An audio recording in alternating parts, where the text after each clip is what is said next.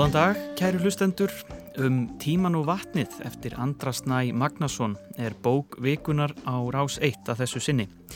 Hún kom út árið 2019 og í henni leitar Andrisnær leiða til að fjalla um loftslags vána á personleiri hátt en flestar vísindabækur gera og segja frá tengslum kynnslóða, tímanum og tungumálunu. Eins og titillin gefur til kynna leggur Andri mesta áherslu á vatnið á jörðinni. Á næstu hundrað árum verða grundvallar breytingar á eðli vass á jörðinni eins og stendur aftan á bókakápu. Jöklar munu bráðna yfir borð hafsins, rísa og sírustig þess breytast meira en sérst hefur í 50 miljón ár. Breytingarna snerta allt líf á jörðinni, alla sem við þekkjum og alla sem við elskum. Þær eru flóknari en flest það sem hugurinn er vanur að fást við, stærri en öll fyrir reynslu okkar, stærri en tungumólið. Og því spyr Andri sig hvort menn eigi yfir höfuð nógu stór orð yfir svona stór fyrirbæri. Í tilraun til þess gerist Andri Snær personulegur og vísindalegur í senn, fléttar sér leið að lofslags vísindunum með ævafornum góðsögnum um heilagar kýr, sögum af forfeðrum og ættingum og viðtölum við Dalai Lama. Viðmælendum mínir í dag eru þau Guðfinna T.H. Adalgerstóttir, professor í Jöklafræði við Háskóla Íslands og Bræi Pál Sigurðarsson, rittuðundur og sjómaður held ég að sé viðegandi að nefna hérna í þessu samhengi við vatnið og, og lífrikið. Verðið bæði velkomin. Takk. Takk fyrir. Uh, ef við byrjum bara aðeins á uh, tímanum sem, sem bókin kom út, eruð þið svona vör við þessa bók og, og umræðuna í, í kjölfarið? Hefur hún einhver svona, sjáuð einhver svona áhrif? Já, mann alltaf varð var við hana, sjálfsögðu, þegar hún kemur út. Ég líka var að gefa út bók náttúrulega á sama tíma og þessi bók algjörlega valtaði yfir mína bók, þannig að ég kannski komst ekki hjá því að verða mjög mikið var við hana. Já. En hérna... En kannski öðrum flokki svona? Já, svolítið öðrum flokki, vissulega. Við vorum á tveimur mismjöndi listum. En hérna, ég held að hún þessi bók og kannski svona stóra umræðin um hana fannst mér pínu druknaði bara í uh, þessari kakafóníu sem að jólabókaflöðu er Mm. en hérna ég held kannski eins og draumalandi þá hefur nættir að hafa lengri líftíma heldur en hefbundnar jólaflóða bækur Mm. ég hugsa það sko Af því að þá bara hún er um þannig efni, er... Já, veist, umræðin er kannski ekki tímalös, eða jú, kannski er hún bara tímalös Mm. skilur og mjög aðkallandi Mm. þannig að já, ég hugsa það Já. Guðfinna, hvernig brást svona vísindasamfélagi við þessari bók? Ég, við tókum henni fagnandi og hérna, Andri vandaði sig þegar hann skrifaði. Hann talaði við fullt af vísindamönnum og var búin að ræða við marga og hann aflaði sér hérna, mikill að vittneski á meðan hann skrifaði bókina. Mm. Og ég held að, einmitt, og vona að hún lifi lengur en bara jólabókaflóðið og núna er hún alltaf búin að missa kannski hérna, aðtikli vegna COVID, getur við sagt. Já. En ég held að efni bókarinnar er það mikilvægt að ég vona að fólk takja hann upp og byrja að dreifa henni og lesa hann betur. Já, einmitt. Og efnið er, er stórt og, og það þarf, eh, sko það sem að Andri Snær er í rauninni stærsta spurningin er hvernig á að skrifa bók um loslagsbreytingar eða þú ætlar ekki bara að bauna eh, vísindunum á, á, á lesendur þannig að hérna, við skulum kannski bara byrja umfjöldunum á að heyra brot úr, allra fyrsta kaplanu þar sem hann er að velta þessu fyrir sér og hann er þarna, hann er stattur í, í höfustöðum banka í borgatúnu og er að velta fyrir sér kerfum sem hrinja. Þegar kerfi hrinja þá losnar tungumálið úr viðjum. Orð sem áttu að fanga veruleikan hanga í lausu lofti og eiga ekki lengur við. Kennslubækur verða úræltar á einni nóttu og virðingarstigar verpast. Skyndilega eiga menn erfitt með að finna orð eða hugtök sem rýma við veruleikan.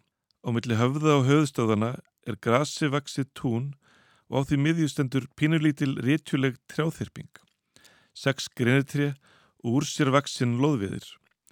Ég lagðist í trjáþyrpingun á milli húsana, horfði upp í heiminin og velti fyrir mér hvaða kerfi geti orðið næst til að hrinja og hvaða stóra hugmynd geti tekið við.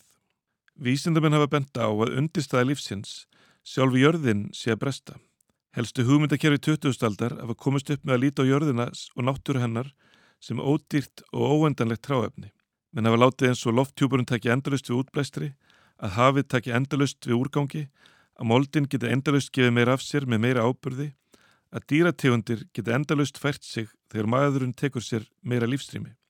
Ef spáru vísindamanna reynast réttar um framtíð hafsins, lofttjúpsins og veðrakerfuna, framtíð jöklana og strandsvæð heimsins, það má spyrja sig hvaða orð ná utanum málefni af þessari stærðagráðu. Hvaða hugmyndafræði nær utanum þetta? Hvað á ég að lesa? Milton Friedman, Confucius, Karl Marx, Openbjörnubókina, Kóranin eða Vetarhitin? Hvernig var temmi langarnir okkar, neistlu og söfnunar áratu sem samkvæmt öllum mælingum virðist ætla að knésjetja lífriki jarðar. Það má segja þessi bók fjallum tíman og vatnið. Á næstu hundra árum verða grundvallar breytingar og eðli alls vass á jörðinni. Jöklar utan heimskautana munir flestir bráðuna miklu leiti, yfirborð hafsins mun rýsa, hitastig jarðar mun hækka með tilærendi þurkum eða flóðum og sírustig hafsins breytast meira en sérst hefur í 50 miljón ár. Allt þetta gerist á líftíma barns sem fæðist í dag og verður jafngamalt og amma mín sem er 95 ára gömul. Stærstu öfljarðar hafa yfirgefið jarðsögulan hraða og breytast nú á mannlegum skala. Breytingar sem áður eruð á 100.000 árum gerast núna á 100 árum. Slíkur hrað er góðsögulegur og snertir allt líf á jörðinni og grundvöld alls þess sem við hugsum, kjósum, framliðum og trúum. Það snertir alla sem við þekkjum og alla sem við elskum. Breytingarna sem við stöndum fram með fyrir eru floknar en flesta sem hugur okkar vanur fást við. Það eru stærri en öll fyrir reynslokkar, stærri en tungumálið og flestar myndkverfingar sem við nótum til að skilja verulegan. Það má líka þessu við að reyna að taka upp lætin í gjóskugósi. Í flestum tækjum brotnar hljóðið við ákveðin háfaða og ekkert heyrist nema söð. Fyrir flestum eru orðið lofslagsbreytingar fullt af söði. Það er auðvöldar að hafa skoðun á smarri málöfnum, við skinnjum þegar eitthvað sem kostar miljónir eðalagt, þegar dýr er skotið eða framkvæmt reynist of dýr, en þegar kemur einhverju sem er óendanlega stórt, heillagt og grundvöldur lífsokkar þar á ekki, kom ekki samsvarandi viðbröð. Það er svo heilin skinni ekki stærðina. Suðu blekkjur okkur, við sjáum fyrirsagnir og telljum okkur skilja orðin. Bráðnun jökla, hitamett, súrnun sjávar, aukin losun. Ef vísindamenn hafa rétt fyrir sér, eru þessi orð alvarlegri en allt sem gerst hefur í mannkynsugunni fram til þessa. Ef við skildum þau til fulls, ætti þau að bein áhrifar hegðun okkar og ákvarðanir. En það er engu líkara en að 99% af merkingu orðana lendi í söðinu. Kanski sögð ekki rétt myndkörfing, vegna þess að fyrirbærið er líkara svarthóli. Engin vísindamadur hefur séð svarthól, þau geta haft massa á við miljón sólir og gleipa hljós. Eina leiðin til að greina svarthól er með því að horfa fram hjá þeim, horfa á nærleikjandi geimþókur og stjórnur. Þegar umræða málefni sem snertir allt vatnajörðinni, allt yfirborjarðar og allan lofthjópin er það svo stort að það sogar í sig alla merkingu.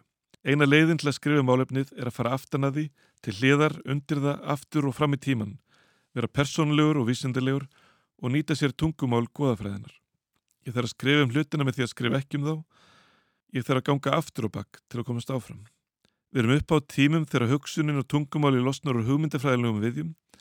Við lifum tíma bölbænarinnar sem er vist ránglega sögð kynversk en jafn góð fyrir því megir þú lifa áhugaverða tíma. Andri Snær Magnarsson las þarna brot úr bókinni sinni um tíman og vatni sem er bókveikunar á rás 1 og hjá mér sitja Bræði Pál Sigurðarsson og Guðfinna T.H. Algerstóttir eh, þarna er Andri Snær að lýsa því hvernig hann ætla að dempa sér í þessi mál.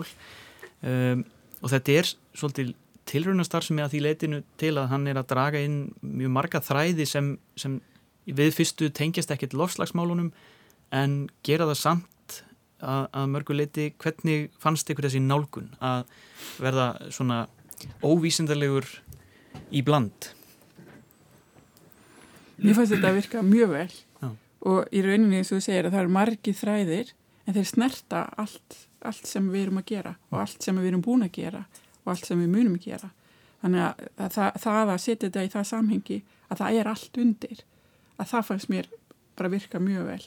Og í rauninni þar getum við sagt að vísindamenn eru laungornir vonleysir um að geta miðlað hversu stórt þetta vandamáli er. Þeir eru búin að gera það í 30 ár og nú þurfum við bara að reyna allar aðrar aðferðir. Þannig að mm. þetta er ein aðferðin sem að væri hægt að nota til að í rauninni að fólk átti sig á því og hann skrifar einmitt í bókinni það er eins og vísindamenninir átti sig ekki á því heldur að það er kannski ekki fyrir en allur heimurinn er búin að átta sig á því að við skiljum hvað er að gerast. Mm.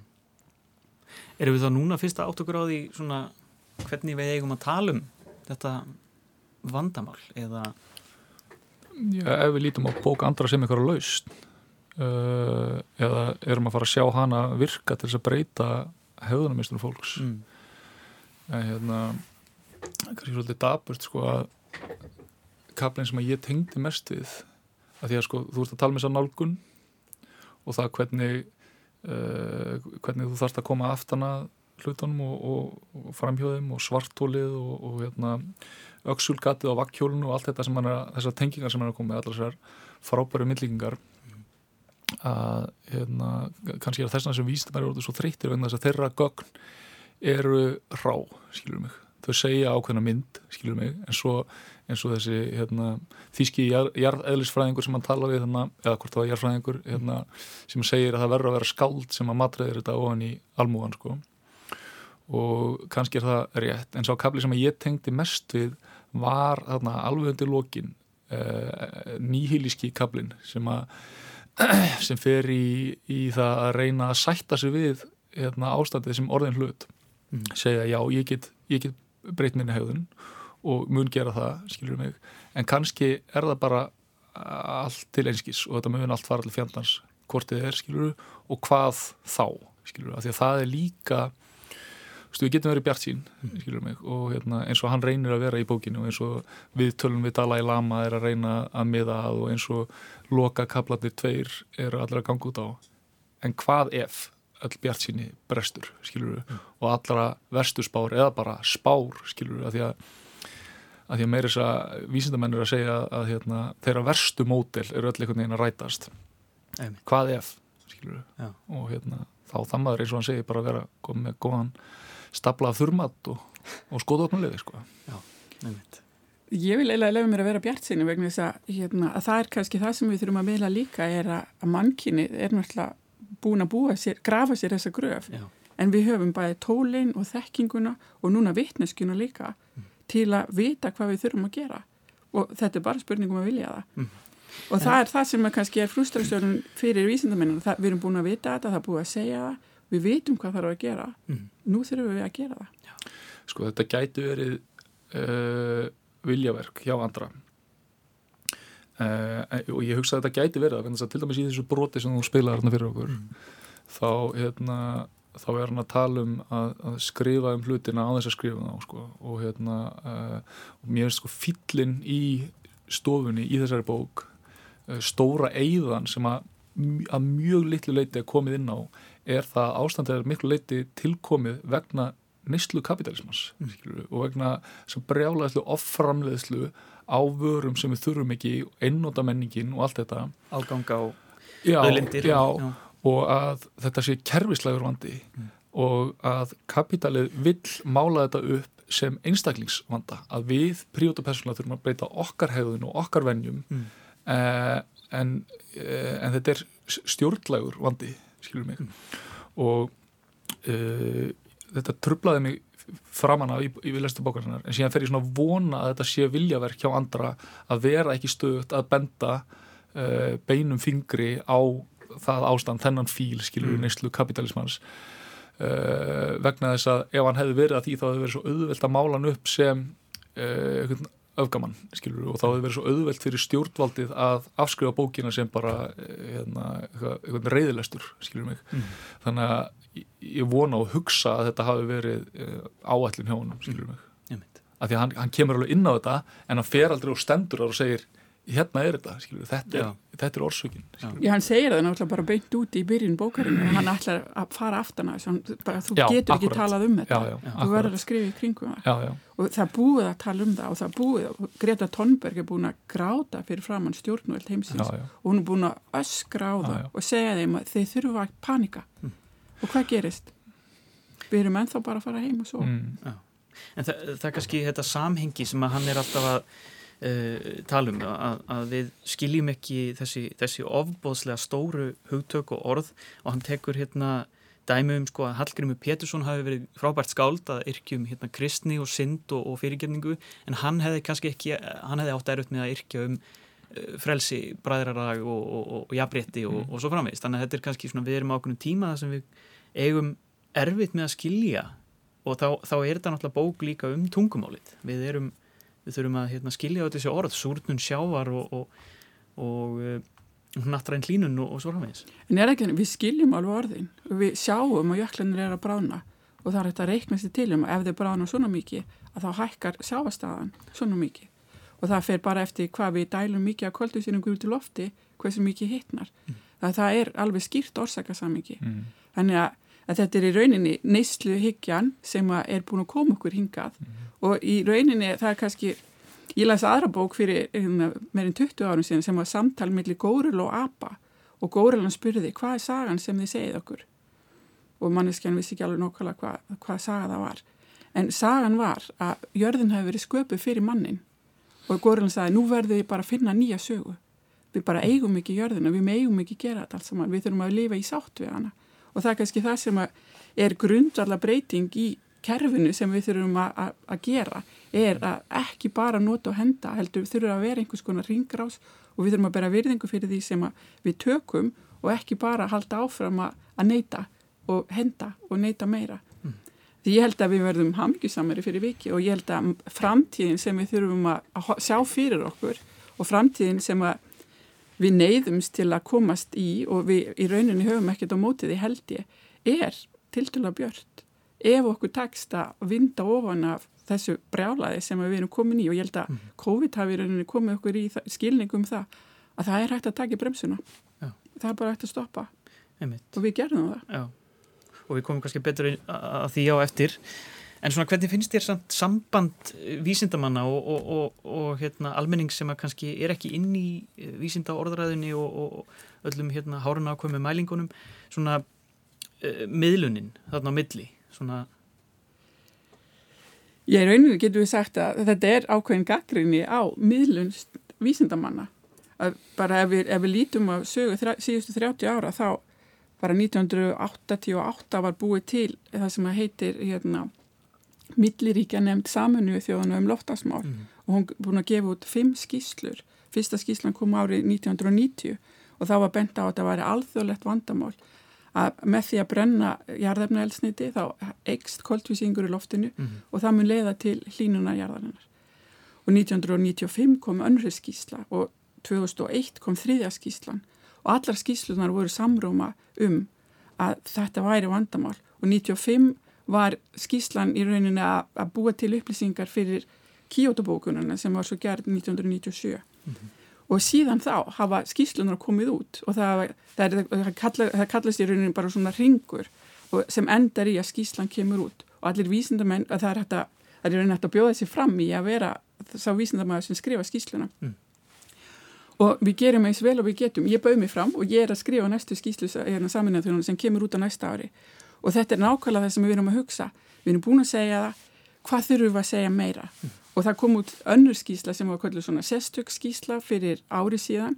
Og þá var félagsfræðingur ekki bara náttúruvísindamadur sem var búin að rannsaka hvað þurfum við þekking er greinlega ekki nóg.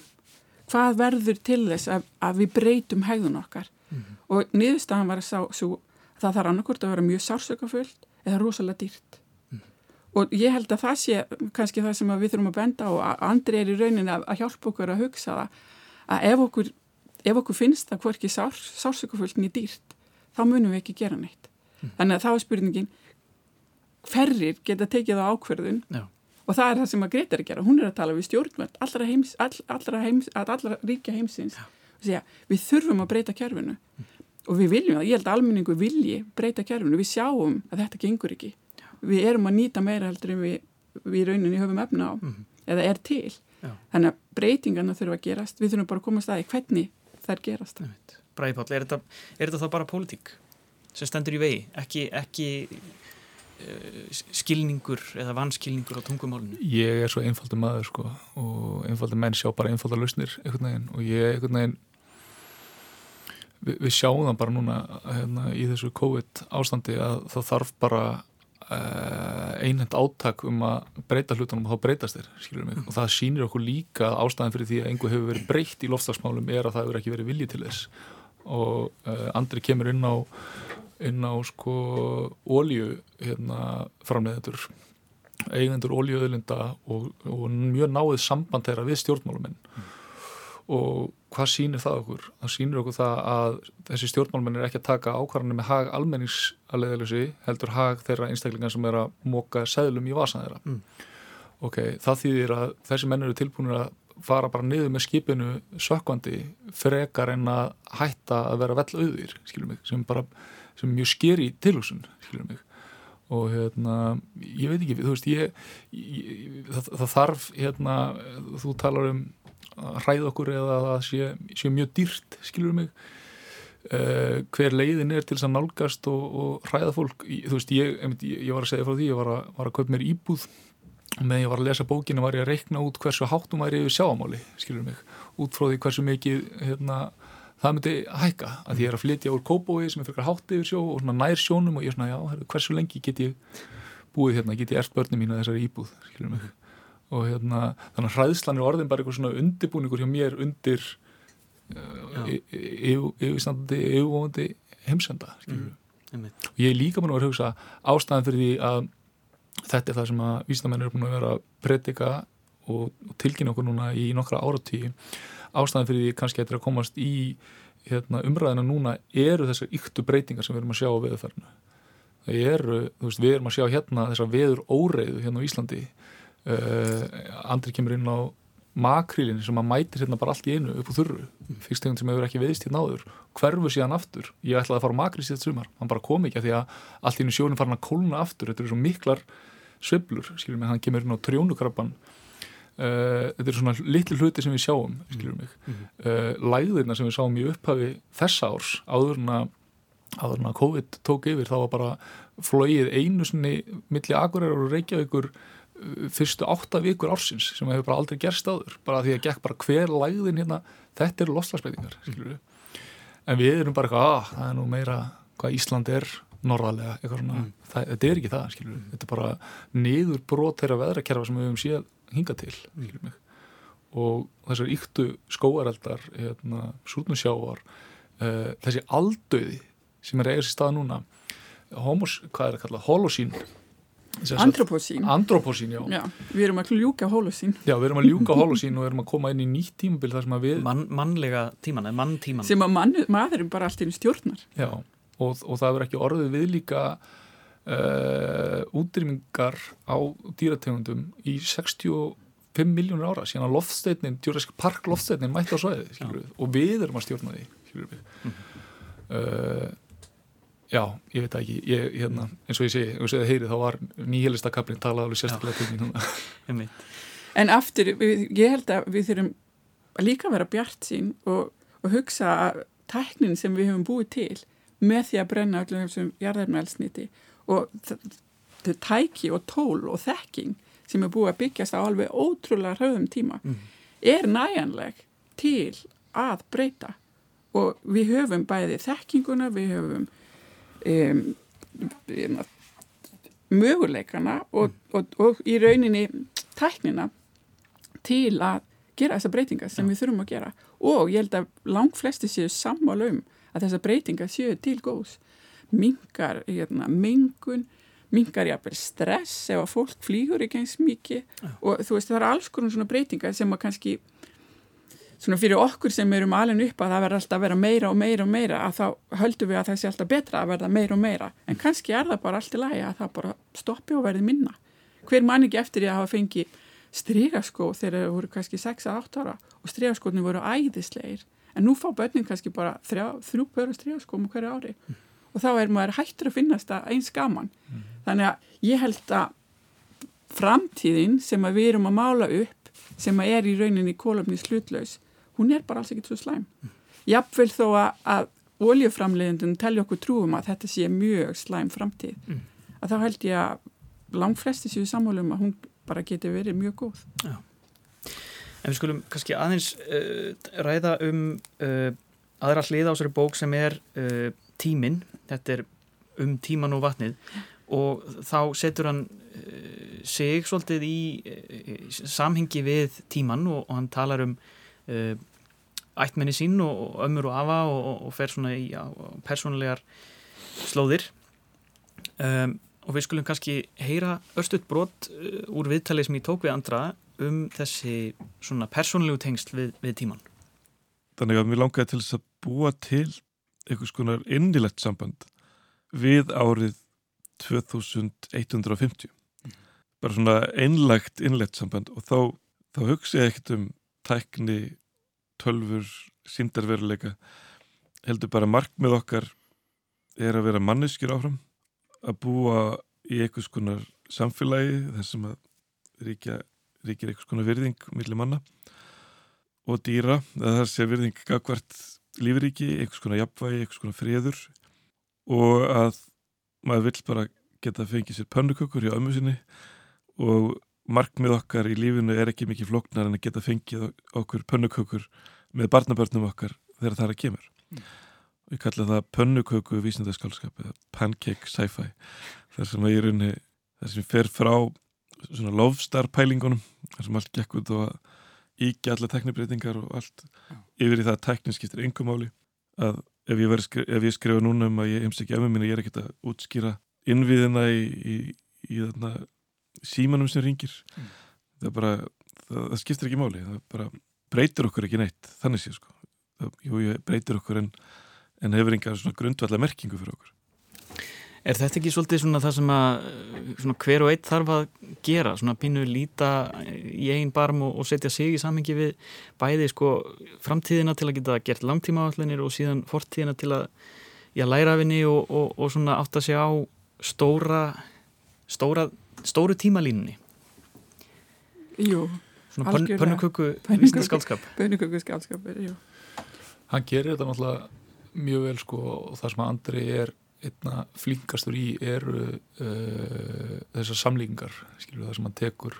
Þetta er eins og hitt skilur, mm. og hérna uh, líf ömmu minna verður eins og líf dóttur minna og fyrir að speikla þetta og setja sjálfa sig inn í miðjuna og horfa aftur í tíman og fram í tíman og hérna sko áköplum þannig að verður að verða svona personlegur en þess að ef, að ef þú vilt fá fólk til þess að taka markaður og, og hérna, uh, breyta eins og þú breytir, þá er best að segja að ég hef alltaf, ég lendi þessu ég tala út frá sjálfum sér mm -hmm. þetta er bara eitthvað svona, fyrir eitthvað basic fræði og hann gerir þetta sjúklega vel á köplum hins vegar fer hann niður ykkur svona prívat og persónulega ránkala uh, uh, sem er alveg áhugaverða lýsingar skilur mig, sem að svona jæðra við það að verða eitthvað svona gropp jafnvel. Mm. uh, og nú gæti þetta verið hérna bara einfallega öfundsíki í mér. Ég er hérna yngri rittvöndur eins og framöfu komið hefur ekki selgt eins mikið að bókum og hérna og Andri hefur bara, uh, bara notið mjög mikið af velgengni skilur, og bara verðskuldar þannig að þegar hann er að lýsa sínu jet setting lífi þar sem hann er að fljúa til Dharamsala að tala við Dalai Lama og og spjalla við eh, afasinn í, í bandaríkjónu sem að skara upp Andy Warhol og Oppenheimer þá, uh, þá fór ég svona að spyrja með þeirra spurninga uh, sko, hver tengingi við loftslagsmál nákvæmlega væri mm. og, hérna, og hvort að þetta væri það að vera berskjaldadur og persónulegur en síðan átt að hérna því að þetta var náttúrulega bara eitthvað nöldur í mér og, og hérna og það að ég gæti ekki hort upp á hans velgengna að þess að reyna að klóra eitthvað í, í hælnáðunum sko. mm en, en, en þú veist það sem ég var að tala um á þann sko, að, að tölur og gögn einu sér og hrá segja ákveðina segja kannski ákveðina mynd en þau segja kannski ekki mjög mikla sögu þannig að þú þarft að fara inn í þetta dýfsta persónulega, fara aftur ja. í forföðuna fara í börnið, hvaða heimir þau að fara að fá ja. tróða síðan tölun og það er inn á milli línana, þá ert allir komið með eitthvað auðmeltanlegri bitar, mm. komið smá smá sigur í meðalið sko. Já mér fannst hann gera mjög vel að einhverju sko. leiti að, að svona laumar inn upplýsingunum mm. og í, setur í samíkjan að vera að synda og sá einhverja skjálpökur og, og kóralrifin sem er að, er að súrna og er að brotna upp og það er alls konar sem það og ég, ég, það sem satt eftir þegar ég læs bókina fyrst sem þegar hún kom út að þá var það bara að tala við Dalai Lama og ekki bara einu sinni heldur tvísvar mm -hmm. og það fannst mér alveg, alveg sko, meira háttar bara hva, hvernig myndi maður undibúa sig hvað, hvað segir maður við Dalai Lama mm, en eins og þú hugsaði líka hm, hann er allir búin að fara út um allt hvað allir kólubinsbúrið mm -hmm, hann sé ja. og þá kannski er það líka með að vilja gert að hugsa sem svo að þetta er heimurinn sem við erum að skilja við mm -hmm. þetta verður ekkert sjálfsagt mm -hmm. að við mhm. getum bara farið eins og okkur langar til fengið okkur brönns í New York eða hérna, kipt jólagjafirnar í London við verðum að hætta því og það er, það er eftir sjá í því en við sjáum bara skynsuminn segir okkur að þetta, þetta gengur ekki. Og það kannski er þetta síðustu leifarnar af því. Leifa sér að gera allt þetta. Mm. það eru síðustu forvöld Akkurat, rétt áður en að þetta rundi allt saman. Ég vil sko líka benda á það því hann, hann kemur inn á hérna, uh, seglbóta svolítið, og er að fjalla um það þegar hann er að segja hann að sögunar því þegar hann er að sigla á gamalli tríaskútu og svona. Mm. og ég vil benda á það að hérna, sömari 2019 rétt á hann að þessi bók kemur út þá sildi ég til Íslands frá Sikilei á bát sem ég kefti þar Mm. og uh, síðasti leggurum var frá Skotlandi og við vorum réttur um að fjóra sólarhinga að sigla frá Skotlandi ég get bent fólki á að þú ert svona sjö sólarhinga að sigla til Fraklands eða langar til að fara þangað og þitt kóluminsfótspor alla þó leið getur verið bara, bara nálat, mjög nálat núli sko.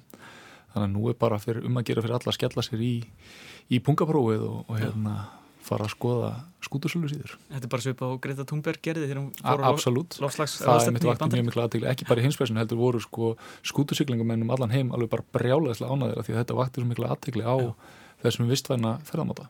Og, og það er í rauninni kannski það sem að líka hættir að benda á að það eru aldrei aðri möguleika við þurfum ekki að brenna kólefniseldisneiti til að gera allt sem okkur langar til. Það er fullt af öðrum möguleikum. Og að fara í göngutúri eða, eða fara kannski bara í þryggja mánu að ferðalega heldur en að fara í sjö, Mhm. erlend, sjö, sjö sínum erlendis mm -hmm. til útlanda á sama tíma. Það er fullt af möguleikum og við þurfum bara að breyta hegðun okkar og gera hana kólefnis hlutlösa það er verkefnið. Það er ekkit hræðilegt það er í rauninni bara svolítið spennandi. Og ég held að mér, mér finnst andra takast mjög vel að, mála það upp að þetta er ekki heimsendir. Þetta eru breyting, bara grundvallar breytingar á hugsunum okkar og við þurfum helst að henda og láta bara kapitalisman hrinja eins og þannig að tala um í byrjun að kerfin hrinja við höldum áfram að lifa og jörðin verður hérna áfram. Mm Já, og, og það er bara spurningum hvernig, hvenar það gerist að við uh, gerum eitthvað og breytum. En uh, sko vísindin voru fest í sessi fyrir svona, hvað við segja, 30 árum. Svona að almenningur vissi að, að, að þetta væri bara að gerast og, og svona og þetta væri í rauninni bara staðfest. En er, það má þá velta fyrir sér sko, er, er svona bók að koma of seint? Eða eru við, eru við einhvern veginn svona að því við erum alltaf að tala um hvað við erum sein að breyðast við eru við líka of sein bara að gefa út svona bækur sem að Já, alls ekki, við erum aldrei á sein. Þetta er bara framþróun og því fyrr sem við bregðumst við, það er búið að sína, sína það, því fyrr sem okkur tekst að minka út, eða þess að losun um, koltvísýrings í lofti því mun- þeim mun auðveldar að verða fyrir, okkur. Þannig að því, því lengur sem við drögum að draga úr um, út, losun hérna, gróðurhúsalofteganda, það er ekki bara koltvísýringur að þeim er léttar að verða það verður mjög dýrt og það verða mikla breytingar ef við draugum lappinnar, svona lengi. Og við getum sagt að gróðrúsa hérna, áhrifin voru þekkt fyrir meirinn hundra árum síðan. Og þar var hérna, Arrhenius, sænskur, efnafræðingur eða ellisfræðingur sem að sem að reiknaði hreinlega út hvað myndi hittna mikið ef að koltvísýningurinn myndi tvöfaldast, þess að koltvísýningur í andrúsloftinu myndi tvöfaldast. Og hann reiknaði það út og, og, og fann út að það myndi líklegast hittna um 5 gráður.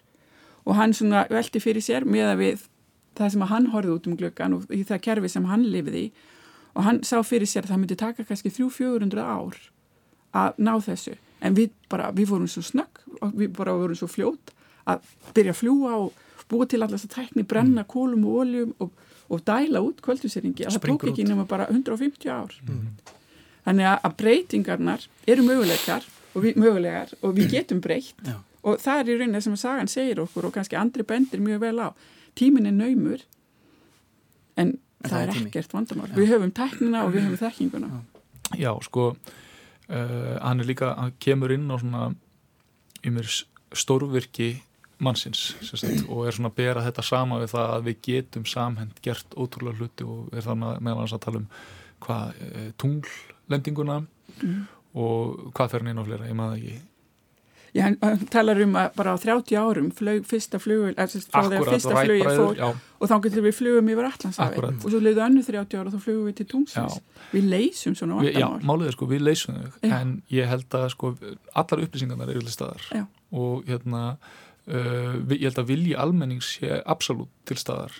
Og framtíðin er björt. Framtíðin er björt en sko það sem að ég var að hugsa alltaf þegar ég var að lesa bók er að hann þarf þá að sannfæra uh, auðvaldið um það að í heimi sem er að farast það er græða mjög fáir, skilur mig þó svo að hérna, ríkast að 0,01% sé að grafa sér neyður í ykkur, ykkur uh, loftskeita síló um allan heim, skilur og búa til það eitthvað virtual golfvelli mm -hmm. hérna, þá er það ekki til lengdar heimur sem við getum búið við þannig að uh, það sem þarf er að ekki aðeins ná uh, aðtikli og eira almennings, heldur þarf það að ná uh, sko einhvern veginn að kveikja þá gróða von auðvaldsins að þar að í kolumnins í öfnum heimi sé eitthvað gróðavon mm. að þar sé, sé eitthvað tækifæri og við skiljum akkur ólju, þeir sem að græða mest á ólju, óljuframleðendunir akkur þeir eru í mótráa mm. og þeir hafa reynlega sagt okkur á síðustu árum að þeir grófu undan þekkingunni plönduðu röngum upplýsingum. Þeir vissu, óljuframleðendunir vissu þetta fyrir 30 árum. Mm skildu hvað var að gerast. Mm -hmm. en þeir sáu fyrir sér ef þeir myndi ekki selja allar þessar olju þá myndi þeir ekki græða eins mikið. Mm -hmm. þannig að við skiljum mót, mót, mótstöðuna líka. Já. og af hverju stjórnvöld sem að fengu peningin í vassan af hverju þau svona hlustuðu ekki á vísindamennina. Mm -hmm. og í rauninni voru að oljufyrirtækin hafa játað að þeir dreifðu Eva og raungum upplýsingum í mörg ár. Bara til að tefja það til að þeir myndi græða meira. Já en mér langar að nefna svona hvað því að tímin er auðvitað að hlaupa frá okkur. Já. en svona í lokin langar mér að nefna að því að þú talaður um hérna þegar við tökum í, í neyðarheimilinn stóra uh, heimsins og við erum í miðjum heimsfaraldri um, sko og við komumst eiginlega ekki hjá því að, að setja þetta í smá samhengi við það, loslagsmálin og, og, og heimsfaraldur. Um, hvernig sko sjáuð þetta í samhengi? Að því að nú, nú er ung kynsluð sem að vildi hérna, sem að fór í lofslagsverkfall og vildi að það erði tekið í neðarheimilin svo kynslu sér svolítið núna að það er tekið í neðarheimilin uh, og, og, og svo upplifun hlýtur að vera pínu svona ok, þannig að þetta er hægt mm. og nú þarf, nú þarf þetta gerast í lofslagsmálunum, er það ekki? Jú, sko, það er svo margt sem að hérna, COVID hefur kent okkur meðal annars það að þetta var allan tíman hægt skilur við, það var bara spurningum vilja aðsturraðamanna og meðal annars það að augljóslega sko lægst launaðasta fólkið í heiminum það allra, allra mikilvægasta. Mm. en ekki topparnir sem að móka allir til sín upp á píramítan þannig að þannig að uh, allar heimsmyndir eins og hann er alltaf að tala um breytilegar heimsmyndir uh, þær er ekki uh, varanlegar, þetta er allt saman stöðut að breytast, mm. eins og dala í lama kemur líka og veist, ekkert er fast skilur mig allt sem hann getur þetta haldið áfram að, og mun halda áfram að breyta og, og, og, og þróast. Og hérna uh, það er unni, þetta eru örfáir einstaklingar sem þarf að sannfæra um að þetta sé algjörlega vítal uh, ákall. Og þá fer eitthvað að gerast mig. Uh, alveg eins og það tókst að sannfæra þá einstaklinga auðvitslega um að um, um að COVID væri uh, alveg upp að koma og það þurfti eitthvað að, gera í því, mm. ellega væri ekki búið að gera nýtt í því Og það verða sjálfsögðu alltaf evasemdarattir og það eru evasemdarattir um, um aðgerðir vegna COVID. Já. En þegar við horfum á heldina og sjáum fyrir okkur hérna, að vilji og í rauninni nöðsinn þess að breyta lífsáttunum, að mm. þá, þá er það kallt til stjórnvalda. Ég held að almenningur sé tilbúin mm. og ég held að það hafi verið mjög sterkuleikur að Greta fekk að tala við stjórnveld heimsins. Já. hún var ekki bara að tala við börnin hún fekk að tala við öll stjórnveld heimsins og benda þeim að og, og það var náttúrulega kannski bandarækjumenn sem að það í rauninni var við heldum að við getum fengið samning 2009 í Kaupmannahöfn. Það eru, það heiti Conference of the Parties COP, hérna fundir á hverju ári. Og við heldum að samningurinn er að gera 2009 en hann var ekki gerði fyrir 2015 í Paris mm.